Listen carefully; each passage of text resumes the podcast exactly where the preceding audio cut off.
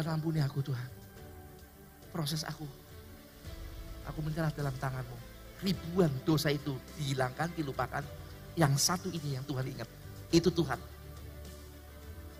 Mungkin ada banyak kesalahan saudara. Ada yang mungkin saudara duduk ini terakhir kali saya mau gereja. Karena saya begitu jahat, kayaknya nggak pantas. Stop. Saudara disayang Tuhan. Tapi mau relakan, relakan hatimu untuk diproses. Seperti bejana. Waktunya singkat saudaraku untuk kita masuk pada gereja yang sempurna. Relakan hatimu untuk kita diproses dalam kasih Tuhan.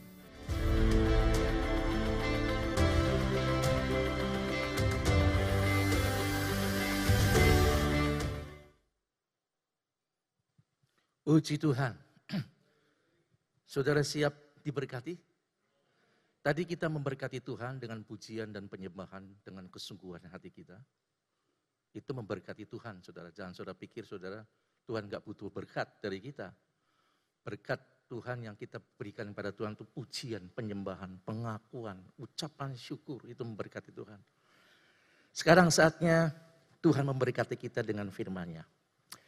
Puji Tuhan, Salam sejahtera di dalam kasih sayang Tuhan Yesus, Bapak Ibu yang di tempat ini, di Bed Eden, dan juga yang di rumah, yang mengikuti ibadah lewat live streaming, puji Tuhan. Saudara, hari-hari ini, penjualan yang paling anjlok adalah lipstick. Karena percuma di lipstick baik-baik, nggak kelihatan ditutup. Dulu kan dikit-dikit lipstick kan, biar aja kayak ben, ben aja pucat kayak wong mati cuil. Sekarang anjlok katanya. Walaupun begini saudara, coba saudara aku tengok kiri kanan belakang, saudara lihat siapa yang datang. Sebab kalau ditanya, yang datang siapa aja, bu orang katon, kayak ninja semua. Ya. Puji Tuhan. Haleluya. Saya celana saya tadi melorot terus, aku saya pikir puji Tuhan, saya sudah mulai kurus. Tapi ternyata penjahitnya, jahitnya memang kegedean, saudaraku. Jadi bukan kurus, tapi celananya yang kegedean. Puji Tuhan. Mari saudara, kita akan e, menikmati firman Tuhan. Ada beberapa anak remaja bilang, Kong, kalau khotbah jangan keras. Biasa sersan saja. Serius tapi santai katanya begitu. Tapi firman Tuhan harus selalu serius. Ya. Apa yang perlu saudara kelihatannya lucu, ketawa, ketawa aja. Tapi kalau nggak lucu jangan diketawain. Ya, bahaya itu. Nah Tuhan sumber kehidupan. Ini penting buat kita. Di hari-hari kita mengenapi firman Tuhan untuk masuk kepada pemisahan gereja. Ingat saudara, kemudian masuk pada gereja sempurna, kita akan masuk pada kehidupan yang masih berjalan. Hidup masih berlangsung. Nah penting kita ketahui bahwa sumber kehidupan kita jangan sampai keluar dari Tuhan kita yaitu Yesus. Mari kita lihat ayat pokok kita saudara. Di dalam Mazmur 127 ayat 1 dan 2 firman Tuhan berbunyi demikian. Jikalau bukan Tuhan yang membangun rumah, sia-sialah usaha orang yang membangunnya. Jikalau bukan Tuhan yang mengawal kota, sia-sialah pengawal berjaga-jaga. Sia-sialah bangun pagi-pagi dan duduk-duduk sampai jauh malam. Dan makan roti yang diperoleh dengan susah payah Sebab ia memberikannya kepada yang dicintainya pada waktu tidur. Nah Bapak Ibu mari kita perhatikan. Dari ayat ini kita melihat bahwa ada tiga hal besar atau kebutuhan manusia. Ya. Klik. Ada tiga hal besar yang dibutuhkan manusia dalam kehidupannya. Yang pertama, langsung klik aja. Di ayat satu bagian A, kebutuhan tentang rumah tinggal. Jika bukan Tuhan yang membangun rumah, ini sampai kepada kekekalan saudaraku kebutuhan ini. Ya nanti kita akan lihat. Kebutuhan yang kedua adalah ayat satu bagian B, kebutuhan keamanan. Jika bukan Tuhan yang berjaga. Dan yang ketiga, ayat yang kedua, kebutuhan rezeki pangan. Di situ ada sandang pangan. Orang butuh tiga-tiganya saudara. Siapa yang nggak butuh rumah angkat tangan? Tolong rumahnya sumbangkan ke gereja aja. Buat rumah pelayanan. Butuh rumah. Siapa yang tidak butuh keamanan? Punya rumah hebat kayak apa pun tapi nggak aman ya percuma. Siapa yang nggak butuh pangan, sandang pangan? Semuanya butuh. Ini tiga hal pokok, saudara. Nggak bisa lepas ini. Ya. Nah mari kita lihat satu persatu, saudara. Tentang rumah. Bisa diklik. Satu tentang membangun rumah. Dikatakan demikian, jikalau bukan Tuhan yang membangun rumah, sia-sialah usaha orang yang membangunnya. Saudara coba berpikir. Yang bangun itu kan tukang. Saya dengan duit saya. Tuhan bangun apa? Tapi mari kita lihat catatan selanjutnya. Klik aja. Saudara manusia dengan kemampuannya dapat membangun rumah mewah secara fisik. Mewah. Saya pernah lihat rumah yang mewah sekali, saudaraku begitu rupa, hebat. Ya, keramiknya mahal, semuanya serba mahal. Tetapi yang kedua, Tuhan membangun apa yang tidak mampu dibangun manusia di dalamnya. Yaitu ketentraman. Saudara kita harus akui itu. Buat apa rumah mewah, kamarnya mewah, tempat tidurnya mewah, semuanya serba mewah, tapi di dalamnya nggak ada ketentraman. Isinya berantem melulu, saudaraku. Ya, saya sempat mementori satu keluarga muda Kaya dua-duanya saudara. Tapi dia bilang, wah rumah saya kayak neraka om. Makanya Alkitab ngomong seorang laki-laki meninggalkan ya ibunya itu maksudnya jangan sampai mendirikan rumah di dalam rumah. Sendirilah, campur. Tidak ada ketentraman. Manusia bisa bangun apa saja sehebat mungkin dengan uangnya tapi nggak bisa bangun ketentraman. Cuman Tuhan.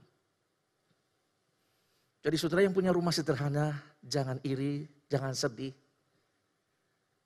minta Tuhan turunkan ketentraman dalam rumah itu. Amin saudara. Biar rumah sederhana, tapi ada hadirat Tuhan. Ya tak? Tentram. Dan hal yang kedua, manusia bisa bangun yang hebat-hebat, tapi nggak bisa bangun ketentraman. Yang kedua adalah manusia tidak bisa membangun kediaman atau rumah yang kekal. Tidak bisa. Itu yang tadi saya singgung tadi saudara. Bahwa tentang rumah ini sampai kekekalan. Cuma Tuhan yang bangun. Nah bangunan rumah kekekalan ini sudah tergantung dari kita waktu kita hidup di bumi ini. Coba lihat ayatnya dalam Yohanes 14 ayat 2 sudah ada ayatnya. Dikatakan demikian. Di rumah Bapakku banyak tempat tinggal. Ada banyak itu nggak terhitung, saudaraku. Jika tidak demikian, tentu aku mengatakannya kepadamu. Sebab aku pergi ke situ untuk menyediakan tempat bagimu. Nah saudaraku, tentang rumah tinggal, itu ternyata bukan kebutuhan manusia lagi hidup tok loh. Setelah kita mati orang butuh tempat tinggal. Dan Alkitab mencatat hanya ada dua tempat tinggal saudaraku. Kalau tidak bersama Tuhan di surga, ya di neraka. Agama lain pun mengakui itu. Makanya kita lihat orang-orang yang di bumi ini, sudah tahu tuh rumah pemerintah ketika dibongkar ngelawan saudaraku, dilempari itu petugas. Karena dia butuh rumah. Ya. Orang yang di bawah jembatan, yang namanya jembatan, diurak, ngamuk saudaraku. Teriak-teriak, dia lempar petugas, karena apa? Meskipun di bawah jembatan, itu tempat tinggal dia, dia butuh. Tapi banyak orang nggak berpikir setelah kita mati, ada rumah. Apakah saudara sudah punya atau belum? Jadi rumah tunggal, eh rumah tunggal, rumah tinggal itu dibutuhkan. Saudaraku yang Tuhan kasih, jikalau bukan Tuhan yang membangun rumah, sia-sia orang yang membangunnya. Tapi alangkah bagusnya kita membangun rumah di bumi ini tidak sia-sia.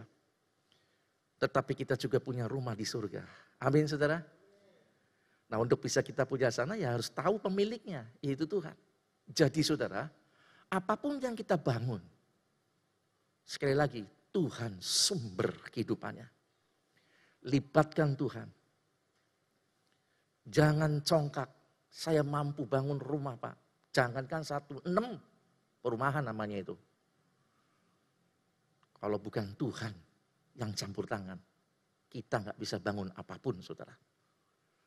Yang kedua, mengusahakan keamanan. Mazmur 127 ayat 1b dikatakan demikian, jikalau bukan Tuhan yang mengawal kota, sia-sialah pengawal berjaga-jaga. Nah ini Bapak Ibu, kita butuh keamanan saudara.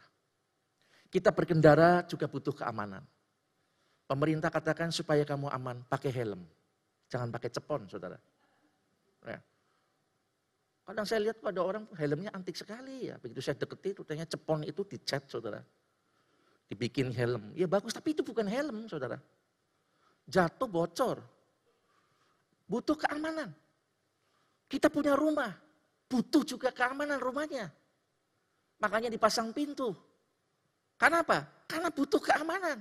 Kenapa rumah ada pintu dan ada rejek besinya? Itu bukan untuk keindahan rumah, saudaraku. Bukan untuk keluar masuk aja, tapi untuk keamanan. Tetapi sekali lagi, jikalau bukan Tuhan yang ambil peran memberi keamanan. Tidak ada tempat di bumi ini yang aman, saudara. Tidak ada. Hanya orang yang percaya berlindung sama Tuhan itu yang memiliki keamanan. Saya kasih contoh dari pengalaman Raja Daud, saudara. Daud sendiri mengakui, di dalam Mazmur eh, 62 ayat 1 bagian B, hanya dekat Allah saja aku tenang daripadanya lah keselamatanku. Kenapa Daud ngomong begini? Coba saudaraku, pertama, Daud itu raja. Ke mana pun dia berada selalu dikelilingi oleh para panglimanya. Panglimanya jago-jago loh saudaraku. Ada Yoab, ada Benaya, ada Itai, ada Ahiluyab. Dan para pahlawannya.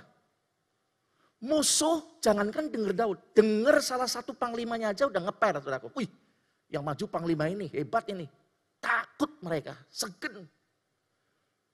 Daud ke mana pun dikelilingi oleh pahlawan yang gagah perkasa, aman harusnya. Tapi Daud tetap merasa tidak aman. Kalau bukan Tuhan yang menjaga dia. Sampai kemudian dia menulis. Hanya dekat Allah saja, aku tenang. Itu menunjukkan bahwa di dunia ini tidak ada tempat yang aman. Bahwa manusia dengan uangnya, dengan apanya bisa bela, bisa maaf bukan bisa bela, bisa sewa para pengaman, tetap suraku itu tidak menjamin keamanan yang sejati. Hanya Tuhan, sumber kehidupan kita yang bisa menjaga kita dengan aman. Bapak Ibu Saudaraku yang Tuhan kasih, jangan keluar dari perlindungan Tuhan tetap ada kuat dalam genggaman Tuhan. Tadi pagi saya setiap kali kirim ayat-ayat firman Tuhan ke jemaat, ya. Kalau saudara yang belum pengen gabung aja dengan WA saya pasti saya kirim. Tuhan berkata, akulah yang awal dan yang akhir. Saya ingat khotbah wakil gembala kita, saudara Bapak, sudah Bapak, Bapak Jeff. Kalau Tuhan di awal, lalu Tuhan di akhir, tengah-tengahnya siapa? Tengah-tengahnya kita, saudaraku, manusia. Tuhan menempatkan manusia dalam lingkup kehadirannya. Uh, luar biasa.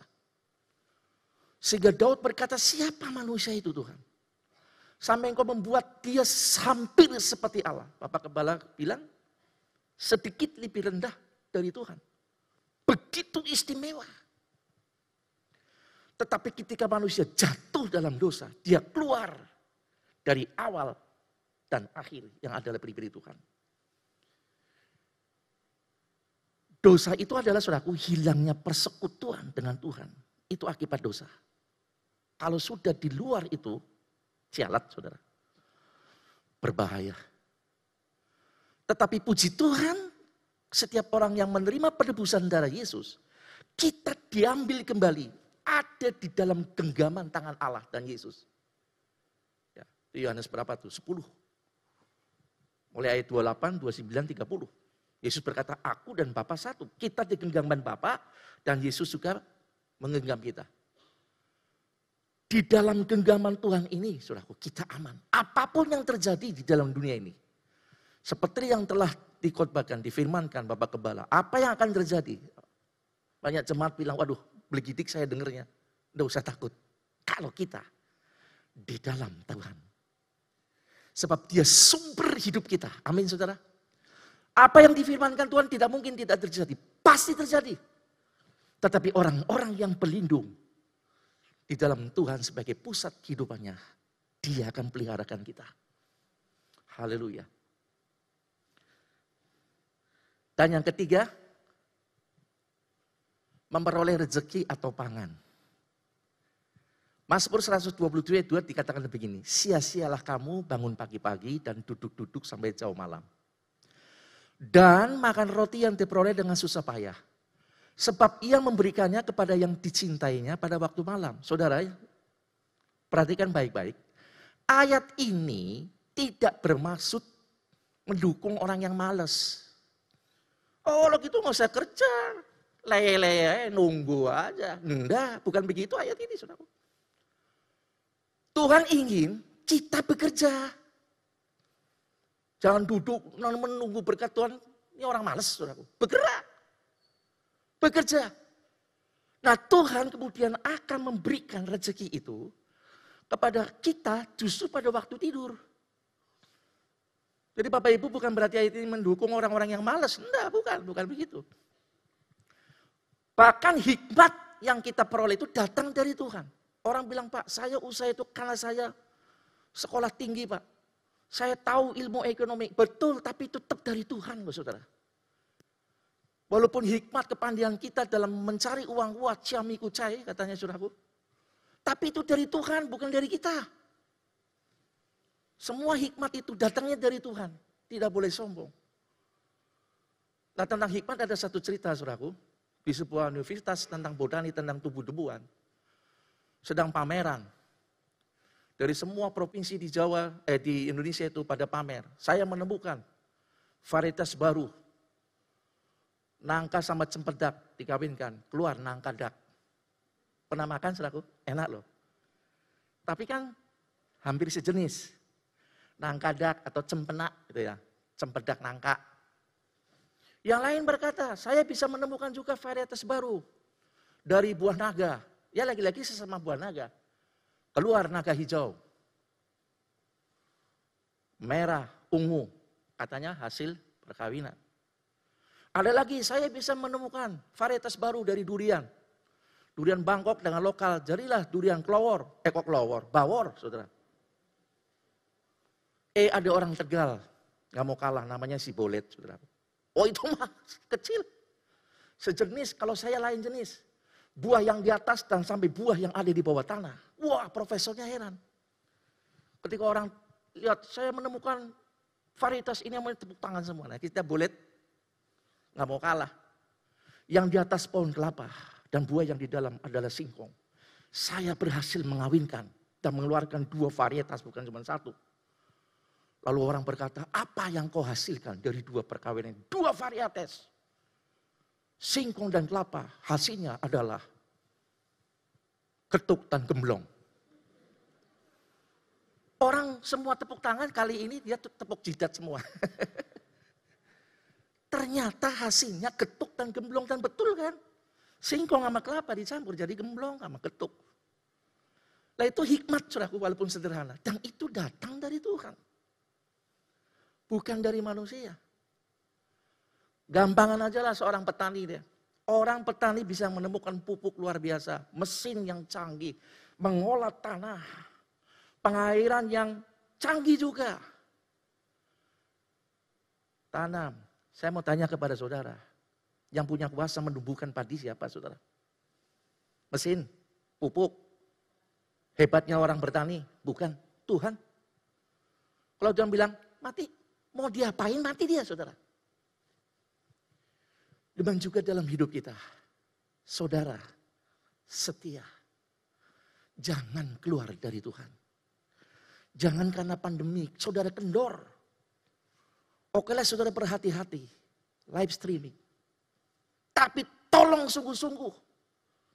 Sesungguh saudara hadir di gereja secara onsite. Online pun harus sungguh-sungguh menghormati Tuhan.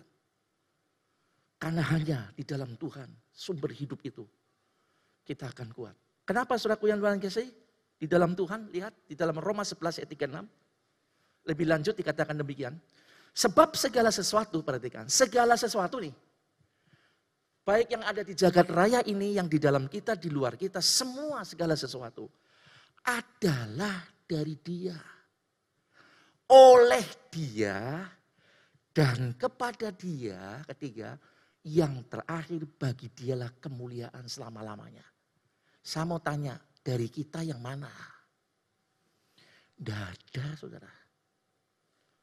Saudara berhasil jadi kaya dari dia.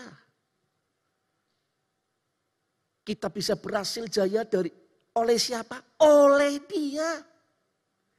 Lalu kepada siapa kita bawa? Saudara mati di bawah? Tidak ada. Kepada dia semua.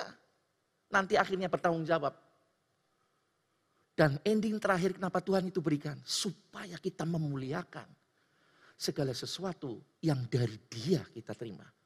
Saudara ada empat tahapan ini luar biasa. Kalau cuma sampai di tiga, misalnya di sini saudaraku. Segala sesuatu itu kan dari dia oleh dia. Kemudian kepada dia, titik.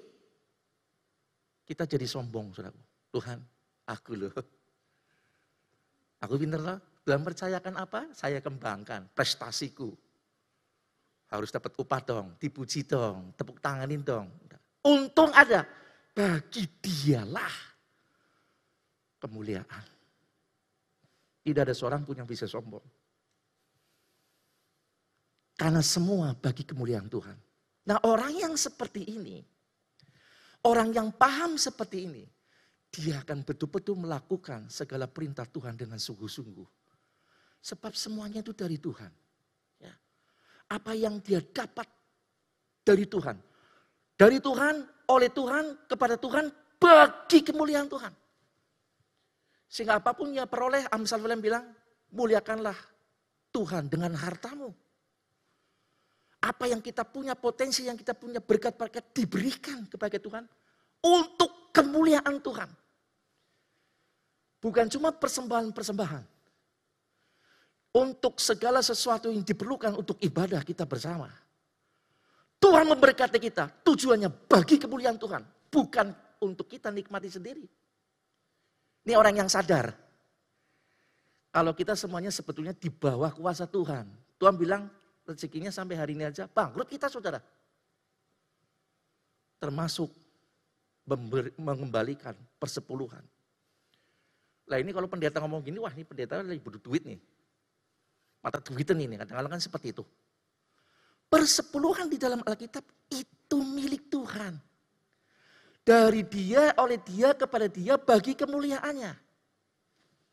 Semua yang dari kita Alkitab katakan bahwa itu sepersepuluh ke dalam rumah Tuhan sebagai milik Tuhan. Supaya ada makanan di rumah Tuhan. Saudara tahu? Hamba-hamba Tuhan, yaitu imam-imam kalau dalam perjalanan baru. Oleh Tuhan nggak boleh setengah-setengah kalau mau melayani. Nggak boleh melayani iya, bisnis iya. Jadi pelayan Tuhan iya, jadi pengusaha iya. Nggak bisa. Total. Seperti suku Lewi. Melayani Tuhan nggak boleh separuh-separuh. Total. Lalu dari mana mereka mendapatkan tidak punya hak waris tanah itu? Tuhan bilang, hakku. Hak yang dari Tuhan yang diminta dari sebelah suku. Yang diberkati Tuhan. Dari Tuhan oleh dia kepada dia. Diberikan kepada hamba-hamba Tuhan. Makanya gereja kami, gereja Pantai Kosta tidak ada hamba Tuhan. Hamba Tuhan, iya pengusaha iya. Tidak ada saudara. Total hidup dari apa yang Tuhan berikan kepada kami. Dan jemaat yang tahu itu, dia akan mengembalikan itu milik Tuhan dengan sukacita. Karena semua dari dia, kepada dia, dan bagi kemuliaan Tuhan. Kapan-kapan saya akan mungkin akan ungkapkan lebih jelas lagi tentang sepersepuluhan ini, saudaraku. Sebab sepersepuluhan ini jadi banyak perdebatan. Kalau saudara nggak ngerti, jadi nanti jadi tersesat. Ya. Tapi itu, saudara yang masuk Alkitab katakan dan itu tidak pernah dibatalkan dan tidak pernah dihapuskan. Jadi supaya hamba Tuhan itu mendapatkan hak dari Tuhan bagi kehidupannya. Supaya mereka mengerjakan makanan rohani buat umat Tuhan. Sebab firman Tuhan bilang engkau manusia bukan saja hidup dari roti saja, tetapi dari tiap-tiap firman Tuhan. Tiap-tiap firman Tuhan dari mana? Dari para imam-imam hamba-hamba Tuhan yang ditugaskan Tuhan. Mengelola, menata, menyajikan firman Allah yang roti kehidupan itu buat saudara. Dari firman itu saudara melakukan firman dan Tuhan balik lagi memberkati saudara. Jadi kalau saudara lihat dari dia sampai kepada kemuliaan, kalau kita lakukan bagi Tuhan untuk kemuliaan Tuhan, saudara kerjakan itu, maka dari Tuhan akan terus muncul, saudaraku. Seperti sumber air. Tapi ketika sudah naik dari dia sampai di kemuliaan Tuhan, enggak buat kemuliaan Tuhan. Opo di duiku dewe. Tutup mata, maka sumbernya itu pun akan ditutup oleh Tuhan. Itulah sebabnya Tuhan berkata di dalam Malaiki pasal 10, aku saya sedikit nyimpang di itu. Tuhan bilang, aku akan halau belalang pelahap dari hidupmu. Saudara aku tahu belalang pelahap. Kadang orang kerja keras ini kok bisa nggak ngumpul ya. Kok habis terus ya. Kenapa? Saudara mengembalikan milik Tuhan. Saudara persepuluhan itu. Itu seperti pagar yang memagari hidup kita. Ketika kita melakukan itu, Tuhan memagari. Aku akan menghardik belalang pelahap. Sehingga hasil usahamu. Kalau zaman dulu kan berkebun, bertani, dan beternak. Tidak akan pernah tidak ada hasil, semuanya berhasil. Lalu Tuhan katakan, ujilah aku. Saudaraku yang Tuhan kasih, Tuhan berani berkata, uji aku. Kalau firman ini tidak digenapi, Tuhan justru akan limpahkan kita dengan berkat-berkat. Saudaraku yang Tuhan kasih, yang diperlukan adalah komitmen kita. Mengakui bahwa Tuhanlah sumber hidup itu. Dari dia, oleh dia, kepada dia, dan bagi kemuliaan. Balik lagi kepada Tuhan. Maka semuanya itu Tuhan akan terus percayakan kepada kita. Ya ini hanya sekelumit aja ke situ saudara ya. Soal itu. Lain kali mungkin akan dijabarkan lebih banyak lagi. Nah, kunci mendapatkan berkat ini kita kembali ke pokok bahasan kita. Mazmur 127 ayat 2 dikatakan begini suraku, sia-sialah kamu bangun pagi-pagi dan duduk-duduk sampai jauh malam. Dan makan roti yang diperoleh dengan susah payah. Kunci berkatnya di sini. Di kalimat yang merah. Itu dia. Sebab ia memberikannya kepada yang dicintainya. Pada waktu malam. Kuncinya adalah yang dicintai Tuhan. Saya mau tanya Bapak Ibu. Saudara orang Kristen pasti anggota gereja ada kakak jemaah naim. Anggota gereja om. Cakep setia. Saya mau tanya. Posisi saudara adalah orang yang dicintai Tuhan atau bukan? Yakin saudara dicintai Tuhan? Orang yang dicintai gimana sih? Kenapa saudara bisa mencintai seseorang? Orang itu kayak apa sama saudara? Tentu yang mencintai saudara juga.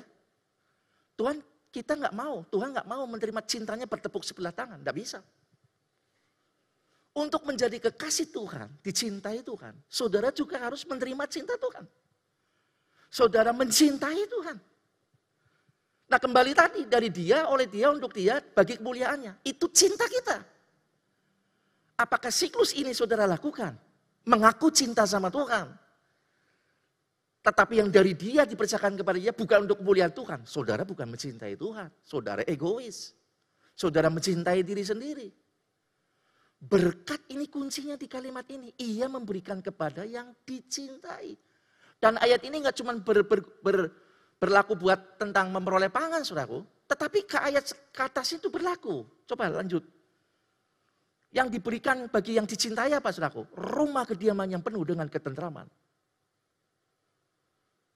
Saya lagi tidak jual kecap, saudara. Ada banyak jemaat yang bersaksi tentang rumah kediamannya penuh dengan ketentraman. Kan ia punya status sebagai orang yang dicintai Tuhan. Bukan yang lagi dibenci sama Tuhan. Orang yang dicintai pasti kelakuannya lain dong, beda ya. Taat, mencintai. Wah kalau orang mencintai, tanya anak remaja. Tele ayam rasa coklat katanya ya. Mana remaja-remaja? Kerabas cinta. Yang dicintai juga memberikan apa? Keamanan dan pelindungan Tuhan. Bagi orang cintai apa saudaraku? Pemeliharaan, rezeki, sana bangan. Tuhan peliharakan saudara. Kalau orang itu betul-betul mencintai Tuhan. Diam di dalam Tuhan, apa pun terjadi. Sekali Yesus tetap Yesus, bukan slogan aja saudaraku ya. Ada satu jemaat, om saya mau sekali Yesus tetap Yesus. Jika perlu, kalau harus milih mati, biarlah aku mati di dalam Yesus. Jangan sampai di luar Tuhan. Uh, salut saya sama dia saudaraku. Kalau terpaksa pun saya tidak makan, saya tidak akan pernah keluar sebab Tuhan tidak akan membiarkan orang yang dicintai. Itu jelas saudaraku. Saudara kalau sayang, nggak usah bicara soal Tuhan, ya. saudara sayang sama anak nih. Ya. Saudara akan lakukan apa saja kepada yang dicintai. Saya punya makanan, saudaraku, yang saya suka. Enak, wah ini enak. Tapi ketika ingat cucu saya, saudaraku. Gak jadi makan, saudaraku. Dibungkus rapi. Buat cucu. Ternyata benar, saudaraku. Kalau udah punya cucu, saya dulu gak percaya. Akan lipat-lipat kali daripada sama anak. Eh benar juga, saudaraku. Ternyata iya juga ya. Apa-apa dia, apa-apa dia. Punya makanan enak, yang saya suka, ingat cucuku suka juga dibungkus, gak jadi makan, saudaraku. Demi Bukan demikian, demi yang saya cintai. Demikian juga dengan Tuhan. Saudara, status saudara adalah orang yang dicintai Tuhan. Kok nggak ada amin? Amin saudara. Saya lagi nggak galak loh saudaraku. Ini kan tanya santai tapi serius. Kan alon-alon, nggak gebrak lagi saya. Dicintai sama Tuhan. Nah terus menjadi orang yang dicintai adalah dambaan setiap manusia. Bisa diklik lagi? Betul saudaraku? Menjadi orang yang dicintai adalah dambaan setiap manusia. Pasti. Apa ada di sini yang tidak suka, tidak mau dicintai? Tolong angkat tangan. Tidak ada saudaraku. Penjahat aja mau dicintai kok saudara. Ya, saya masih ingat waktu pelayan di LP, saudaraku, dorong tinggi besar. Saya tanya Bapak, orang Ambon kalau nggak salah, maaf. Kulitnya hitam Ambon, saya nggak tahu. Bapak kenapa masuk sini? Bangga dia saudaraku. iya Pak, saya masuk sini cuma membunuh Pak. Cuma dua orang, dua orang cuma saudaraku. Tapi kini orang bunuh orang bangga. Oh dia bilang, ya ini mungkin Tuhan izinkan sebagai cobaan. Saya bilang bukan cobaan, saya bilang Anda dalam hukuman Tuhan Anda salah enak aja. Cobaan sampean bunuh. Yang ngikutin saya pada ketakutan, ini oh, orang ini kalau marah bisa digebuk. Saya baru nyadar aja setelah pulang, saudaraku. Tapi ketika saya menyampaikan firman Tuhan tentang kasih Allah yang mencintai. Ini orang nangis meraung-raung kayak anak kecil, saudaraku. Ternyata penjahat pun, saudaraku, butuh dicintai. Gak ada orang yang gak butuh dicintai. Cuma orang yang gak waras saja saudaraku. Dan saudara tahu, Tuhan Yesus mencintai kita semua. Saya baca sebuah risalah saudaraku, bayi. Bayi kan belum ngerti apa-apa. Kalau cuma digeletakin tapi nggak pernah disentuh, nggak pernah diempok, cepat mati katanya saudara. Kurus. Tapi kalau dia disentuh, dipeluk, dicium, dinyanyikan, digoyang, anak ini akan sumringah. Ngerti ya sumringah ya? Seger. Ada sentuhan kasih. Karena memang manusia lahir dari sang Allah yang adalah kasih. Saudara nggak bakal keluar dari kasih Tuhan. Dan jangan sampai keluar dari kasih Tuhan. Dan hal terkuat dari orang yang dicintai Tuhan adalah hidup dalam kebenaran. Hal terkuat yang diinginkan dari orang yang mencintai kita. Tuhan adalah hidup dalam kebenaran. Saya, saya, saya ada satu ayat suraku dalam surat Yohanes pasal 3 ayat 1 3 Yohanes 1 ayat 4 maksudnya saudara. Dikatakan begini, bagiku tidak ada sukacita yang lebih besar daripada mendengar bahwa anak-anakku hidup dalam kebenaran. Kalau ayat ini kita terapkan untuk Tuhan, kita kan anak-anaknya. Bagiku kata Tuhan, tidak ada sukacita yang lebih besar daripada mendengar bahwa anak-anakku jemaat GBD Imanaim hidup dalam kebenaran. Kebenaran dalam menyatakan kasih Tuhan. Kebenaran dalam memberikan kasihnya kepada Tuhan. Memuliakan Tuhan dengan harta saudara. Mempersembahkan yang perlu saudara harus persembahkan kepada Tuhan. Termasuk di dalamnya. Saya kasih tahu hukum Tuhan supaya diberkati. Mengembalikan milik Tuhan. Penting ini suraku. Ini tonggak kita mau diberkati di situ. Itulah kebenaran. Nah kalau saudara belum melakukan hal-hal yang benar, pertama bertobatlah. Kedua kalau tidak melakukan hal-hal yang benar dari apa yang Tuhan ajarkan kepada kita, segera kerjakan saudara. Apa yang perlu dikembalikan sama Tuhan, kembalikan. Dan apa yang perlu saudara berikan untuk memuliakan Tuhan dengan hati yang tulus. Taruh sebagai penghormatan karena dari dia, oleh dia, untuk dia. Bagi kemuliaan dia, saudara berikan itu kepada Tuhan. Di dalam Amsal 3 ayat 33 dikatakan demikian saudara. Kutuk Tuhan ada di dalam rumah orang fasik. Orang fasik orang yang nggak mau kenal hukum. Apa itu hukum-hukum apa? Khotbah-khotbah apa? Itu pintarnya pendeta. Dia orang fasik ini. Dia mau mau mau benernya sendiri aja. Tetapi tempat kediaman orang benar, kita sudah benar ini di dalam Tuhan kerjakannya benar, melakukannya benar. Itu diberkati rumahnya saudara. Saudara nggak perlu kayak orang yang di luar Tuhan nggak percaya Tuhan rumahnya diuri-uri. Kalau dagang jangan ikut-ikutan orang yang tidak percaya Tuhan, saudaraku. Begitu dagang lapak, lalu datang orang pertama beli, biasanya kan begitu. Cep, uangnya diambil lalu kepret-kepret. Laris, laris, laris. Itu tidak pernah ada ditulis di Alkitab, saudaraku. Saudara perlu hanya bilang Tuhan, aku buka usaha. Ini dari Tuhan oleh Tuhan, kepada Tuhan, dan nanti buat kemuliaan Tuhan. Berkatilah, saudara diberkati.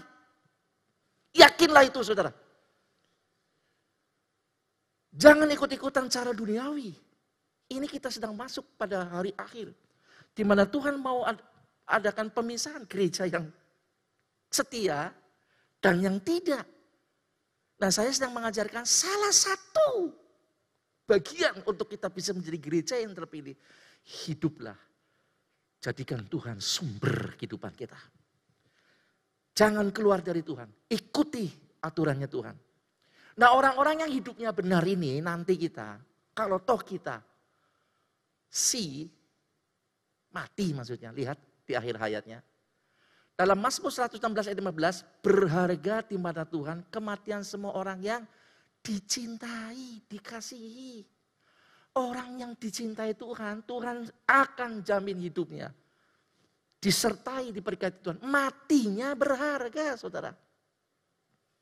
Ditunggu sama Tuhan. Sehingga Tuhan di dalam kitab aja berkata berbahagialah orang yang mati. Yang mati sejak sekarang ini.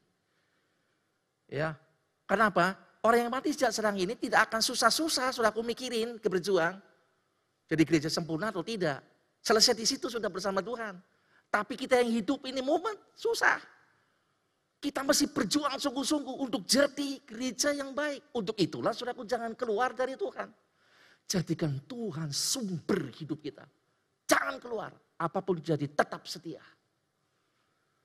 Nah nanti kalau toh kita, saudaraku yang Tuhan kasih, wahai kekasih-kekasih Tuhan.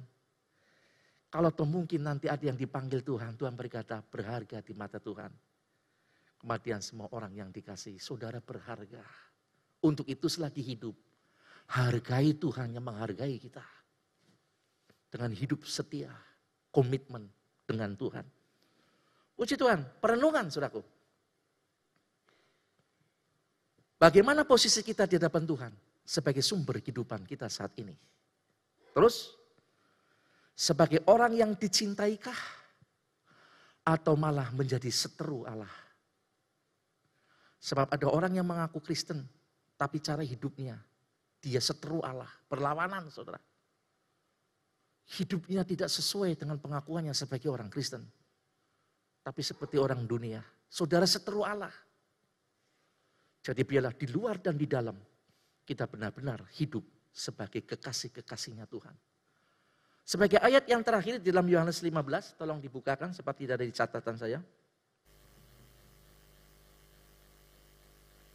Yohanes 15 ayat 5 dan 6 dikatakan demikian. Tuhan mengumpamakan sebagai sumber dan mengabarkan dirinya sebagai pokok anggur. Akulah pokok anggur dan kamulah ranting-rantingnya.